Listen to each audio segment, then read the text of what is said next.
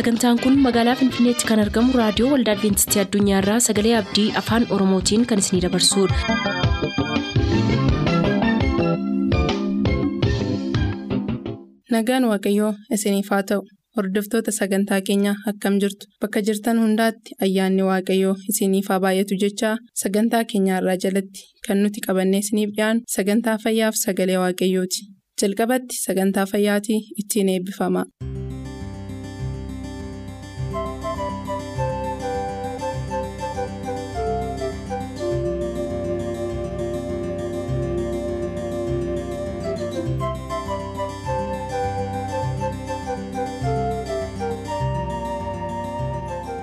Fayyiin hundumaaf.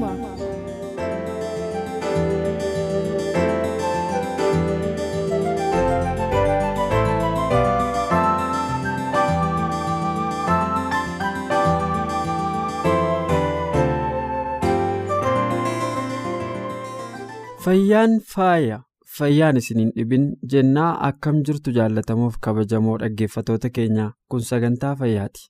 Akkuma yeroo darbee har'as qondaala fayyaa kan ta'e obbo Tashaalee Jaarraa waliin qophii fayyaa har'aa isiniif qabannee dhiyaannee jirra. Kutaa darbe keessatti akkamitti akka fayyaa keenya eeggachuun nurra jiru waa mara kaasnee caqasaa akka turre ni yaadattu. Har'as immoo kutaa kana keessaa waan baay'ee akka barattan abdii godhachaa qophii keenya ka'arraa isiniif qopheeffannee dhiyaanneerra. Isinis nu waliin tura.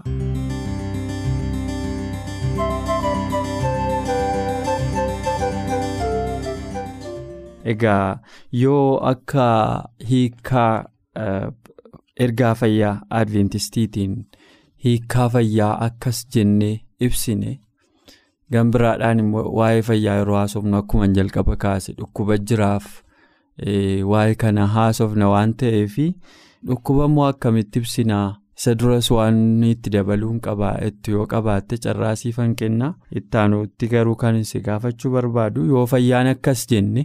Dhukkuba immoo maal jenna dhukkuba akkamitti ibsinu? Yaa achirratti waan tokko dabaluun barbaada. Waaqayyo hinnaa addamii feewwaniin uume. Wantoonni kunniin gaafa kana kan hundumaa nyaadhaati. Kana immoo hin tuqinaa gaafa jedhu waan qaama isaaniiti hin toluu.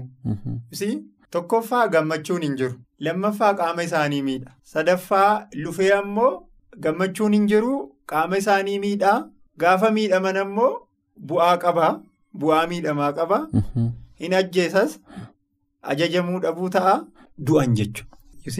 Achii ka'a jechuudha. Kanaaf gabaabumatti dhibee jechuun maal jechuu waan jedhu akkuma dura dubbanne dhibee jechuun maal jechuu fakkeenyaaf mee asirraa isii dubbisaa disease is the result of. disobedience to God's law jedha.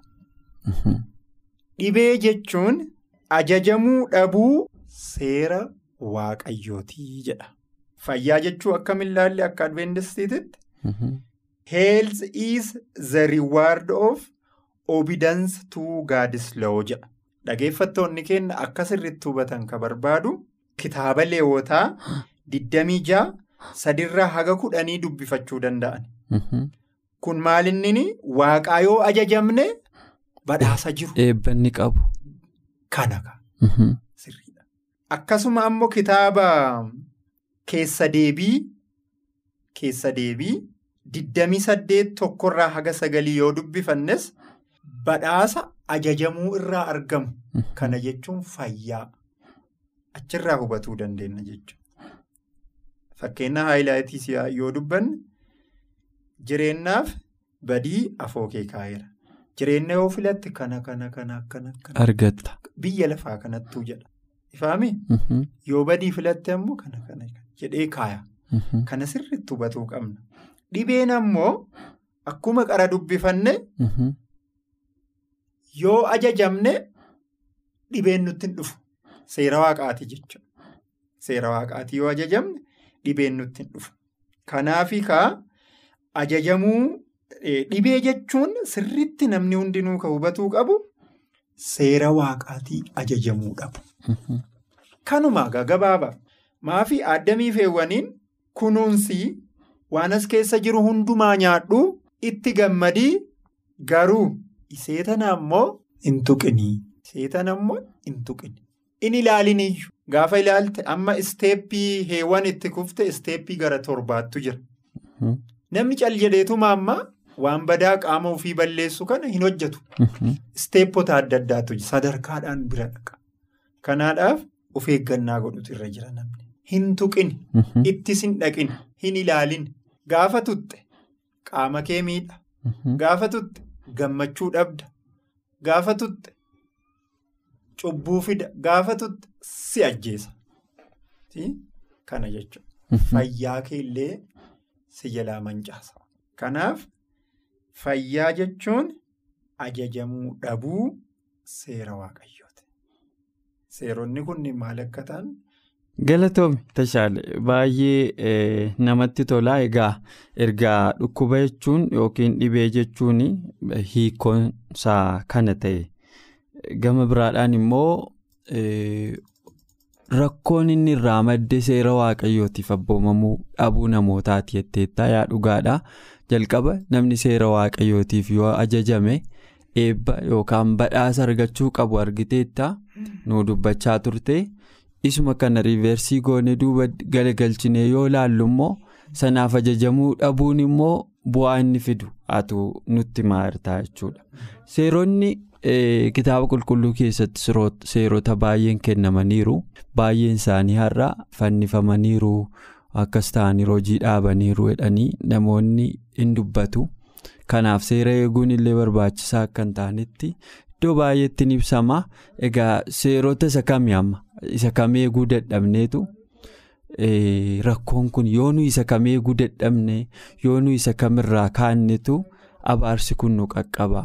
Seerota keessaa immoo ispeesifikaalii waan kanaan ol qabsiiftee waan nuuf caqastoo qabaatte. Yaa sirriidha baay'ee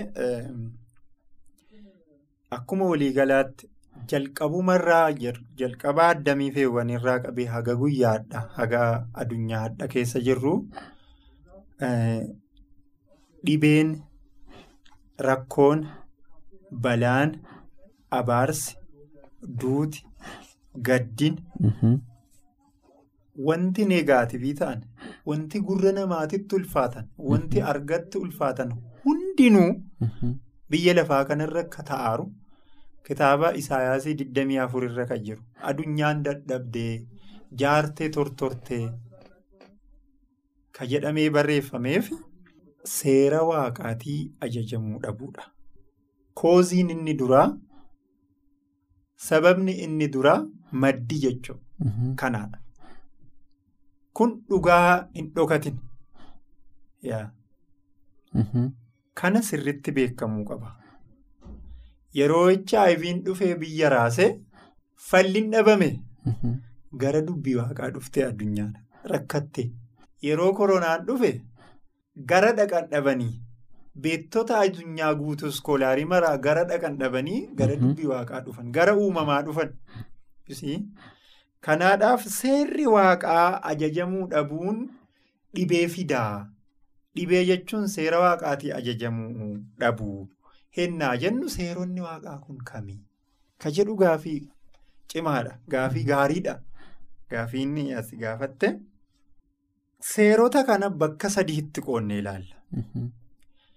Inni duraa mooraaloo jedhama. Seera waaqayyoo harka ofiitiin barreessee bakki sunuu bakka qulqullaa'aa gaara koreebii irratti bakki sun qulqullaa'aadha. Hagam akka seerri waaqaa qulqullaa'aa ta'e hagam akka seerri waaqaa qajeelaa ta'e mul'isuudhaan waan inni museedhaan. Of eeggannaa guddaa godhee bakka san dhaqee akka seera waaqaa sanirraa fuudhu ibsa jechuudha. Harka ofiitiin quba ofiitiin barreessee ka kenne seera kudhani. Ifaamii seera kudhaniidha. Mooraaloo jedhama. Inni biraa immoo seera uumamaa naachuralloo ka jedhama. Waaqayyo harka ofiitiin nama ilma namaa. Biyyeerraa qamashee biyyeerraa hojjate tolchee. Maal fa'aa hojjate funyaanitti baasee ijatti baasee gurratti baasee afaanitti baasee qaama miiraa hundumaa hojjetee midhaasee hojjete jechuudha. Sirritti xiinxalluun nurra jira. Waaqayyo uumama gugurdaa biyya lafaa kana. Samayii gaara bishaan burqituu busaa'ota adda addaa kan keessa jiraniif kadhala jiran bookee irraa hamma arbatti jecha ofiitiin uume. Ilma namaa garuu kanaafi fayyaa sirriitti wantiin of eeggannaa kenninuuf kanaafi. Ilma namaa garuu harka ofiitiin hojjetee jedha. Naachuraal loo yookiin seera uumamaa inni jennu kana jechuudha. Funyaan gaafa hojjetu waan inni hojii addaa qaba. Ija gaafa hojjetu hojii addaa qaba. Harka gaafa hojjetu luka gaafa hojjetu hojii addaa qaba. Isa waaqayyo uumee hojii kenneef kana anammoo dhooggee yoo jedhe ifaami. Adventistiinis akkanatti barsiisuu qaba. Biyyi lafaallee akkanatti hubatuu qaba. Hin miidhaara. Maali? Seera uumamaa faallessaaraan. Attamiin? Lutti koo deemuu qabaami? Maaf uume waaqayyo luka? Waaqa. Deemuu qaba.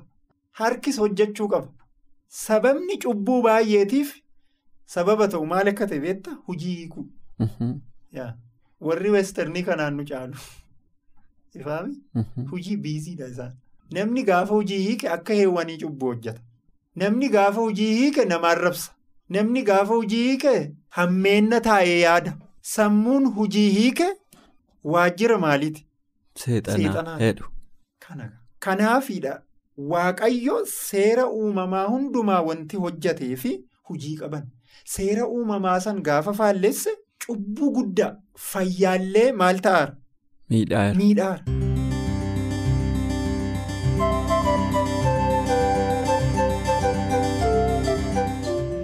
Eeyyee dhibeen abaarsa seera waaqayyoof abboomamuu dhabuu akka ta'e ilaalaa turre itti dabalaanis inni kaan immoo filannoo keenyaan wanta qaama keenyaaf hin taane soorachuu fi rakkoolee kabiraarraas dhibeen nu mudachuu akka danda'u kaasaa turre kanaaf hunduu seera waaqayyoof akka abboomamu akkasumas filannoo keenya akka sirreeffannu fayyummaa keenya eeggachuuf jecha sochiilee qaama adda addaallee gochuu akka qabnu. qondaalli fayyaa keenya har'aa sagantaa kana keessatti nu gorseera kanarraaf jenne egaa asirratti hoggoolamnu sagantaa hafeen yeroo biroo deebinee haga wal arginutti asumaan fayyaa nuuf ta'a nagaan nuuf turaa isiniin jenna.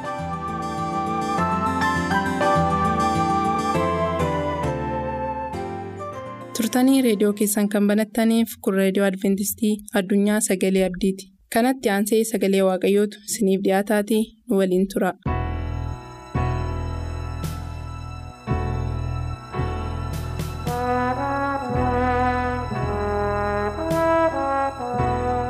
jaallatamoof kabajamoo dhaggeeffatoota keenyaa akkam jirtu? Bakka isin jirtan maratti dambalii qilleensaa kanarraan nagaan keenya nagaan waaqayyoo isiniif haa baay'atu kutaa darbeen maqaa intala fariyoonitti waamamuu diduu musee waliin ilaallee turre.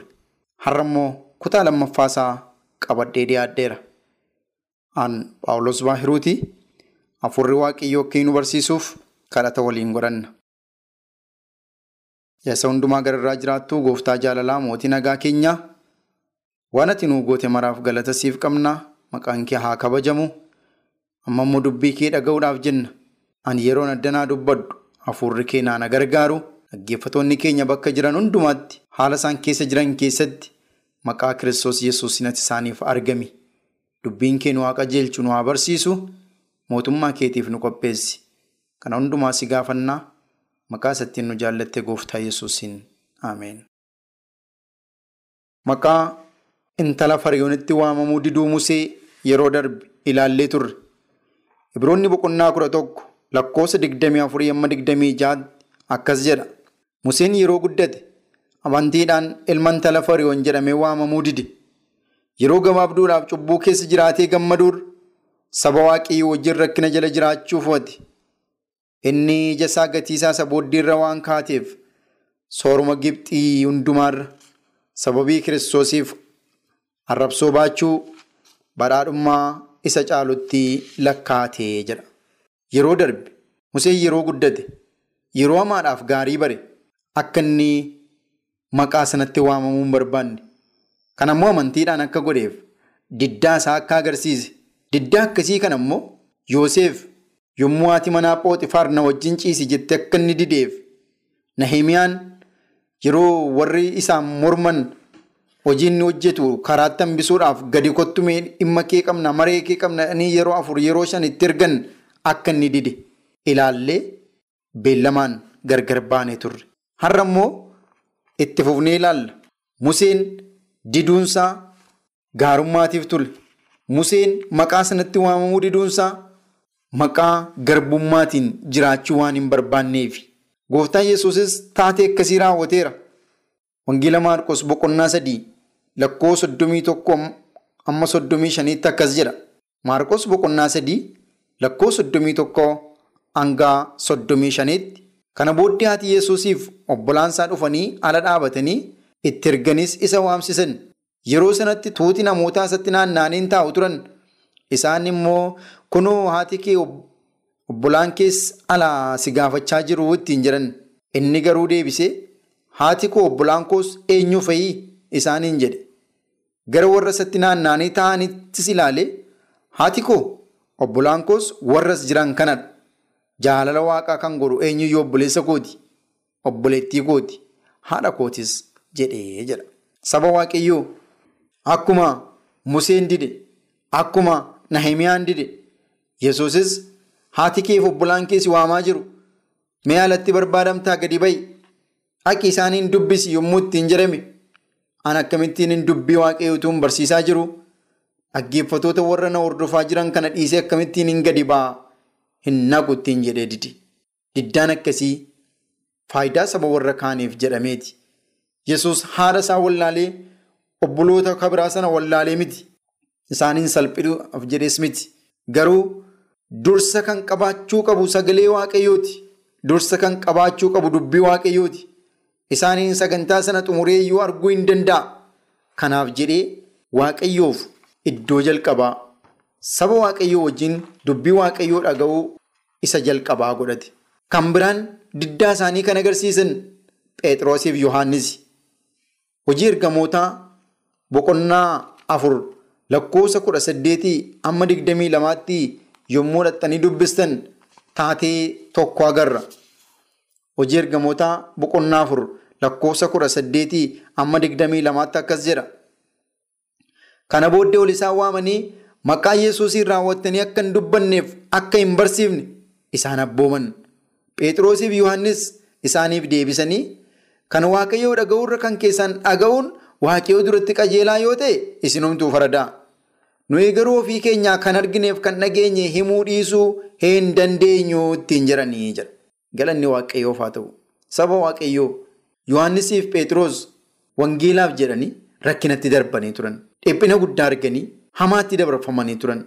Gaaf tokko maqaa nama kanaatiin akka hin barsiifne ammaa kaatanii maqaa Yesuus nama jedhamu kanaan raawwattanii biyya kanatti akka hojii kana hin hojjenne akka hin lallabne ittiin jedhanii akeekkachiifamanii turan. Bartoonni kun garuu kan waaqayyoo dhaga'uurra kan keessan dhaga'uun waaqayyoo duratti qajeelaa isinitti fakkaata mee isinumtuu faradaa jedhan. Gara kutiisaa isinitti himna. Nuyi garuu ofii keenyaa kan argineef kan dhageenye himuu dhiisuu hin dandeenyu jedhanii jedha. Kana jechuun hin didanii. Diddaa isaanii agarsiisan akkuma Museen garbummaa sana keessa jiraachuu dide akkuma Yoosef ejjuu dide akkuma Nahimiyaan hojii dhiisee gadi ba'uu dide isaan kun immoo maqaa Yesuusiin hin barsiisinaa yommuudhaan hin barsiifna malee isa isin jettan hin dhageenyuudhaan didan saba waaqayyoo waan dhugaatiif jenne waan macaafa qulqulluurra jiruuf jenne diddaa keenya yoo mul'ifne waaqayyoo bukkeetti fudhatamni isaa guddaadha. Heertuu jalqabaa ani isinii dubbeessan sirriitti yommuu dubbistan lakkoofsi digdamii shan ibiroonni boqonnaa kudha tokko jechuu kooti. Ibiroonni boqonnaa kudha tokko lakkoofsi digdamii shan yeroo gabaabduudhaaf cubbuu keessa jiraatee gammaduurra saba waaqayyoo wajjin rakkina keessa jiraachuu fo'atee jira.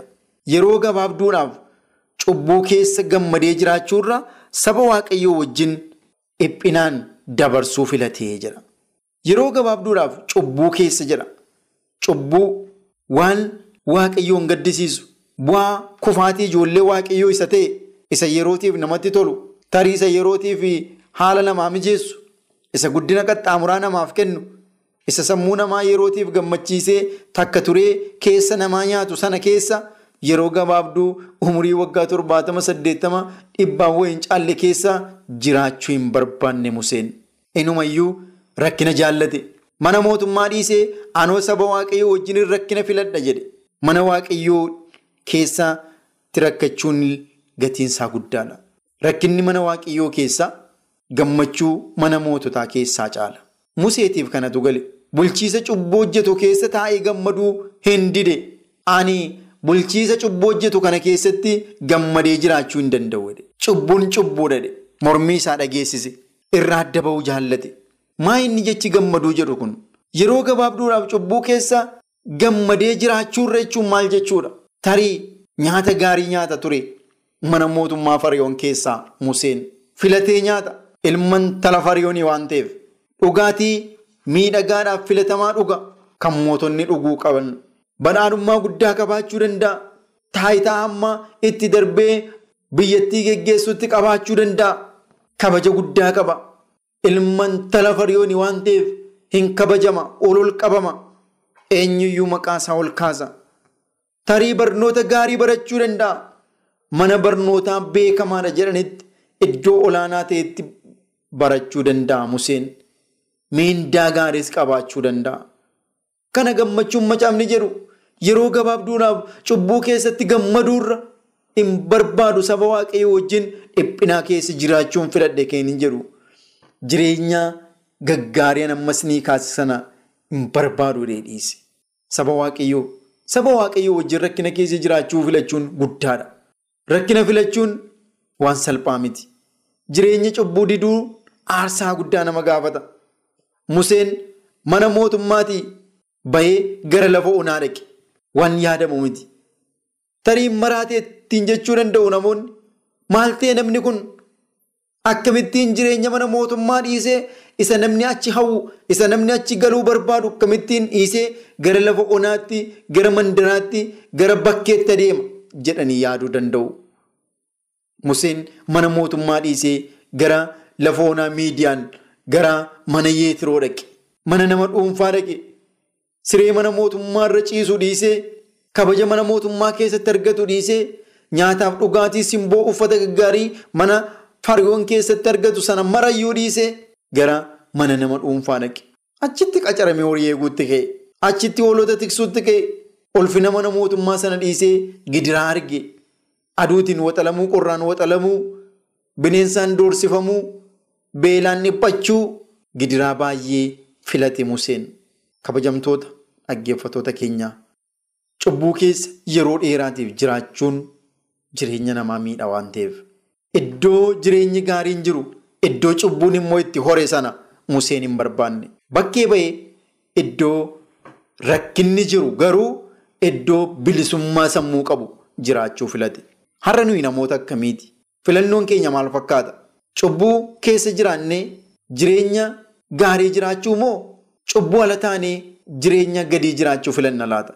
Waaqayyo hafuura Museen ittiin filate hunduma keenyaaf haa kennu. Kutaa ittaanutti sagantaa kana gara xumuraatti finna. Ammasitti bakkuma jirtanitti nagaa waaqayyoon nuuf tura. Sagantaa keenyatti akka gammaddan abdachaa kanarraaf jenne xumurreerra. Nuuf bilbiluu kan barbaaddan lakkoofsa bilbila keenyaa Duwwaa 11 551 11 99 Duwwaa 11 551 11 99 nuuf barreessuu kan barbaaddan lakkoofsa saanduqa poostaa 45 lakkoofsa saanduqa poostaa 45 Finfinnee. Sagantaa kana qopheessee kan isiniif dhiyeesse qopheessitoota sagalee abdii waliin ta'uun nagaatti isiniin jenna.